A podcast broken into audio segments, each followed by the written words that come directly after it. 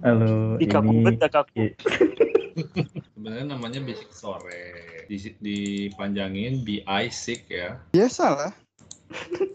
Isi waktu luang. Enggak. Eh, kita harus tetap menerapkan 3M kan. Menjaga jarak, mencuci masker.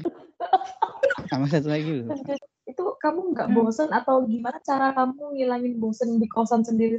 kalau mandi itu biasanya eh, bagian mana sih yang disabunin dulu? Waduh, waduh. Sukses gua ternyata bukan dari sisi materi atau hal yang lain. Kenapa harus gua paksakan gitu loh. Misalkan lu dalam keadaan apapun nih, senegatif apapun, kalau misalkan lu bisa survive dalam hal negatif itu lu menang, serius dah. Punya skill baru nggak sih gara-gara pandemi gitu?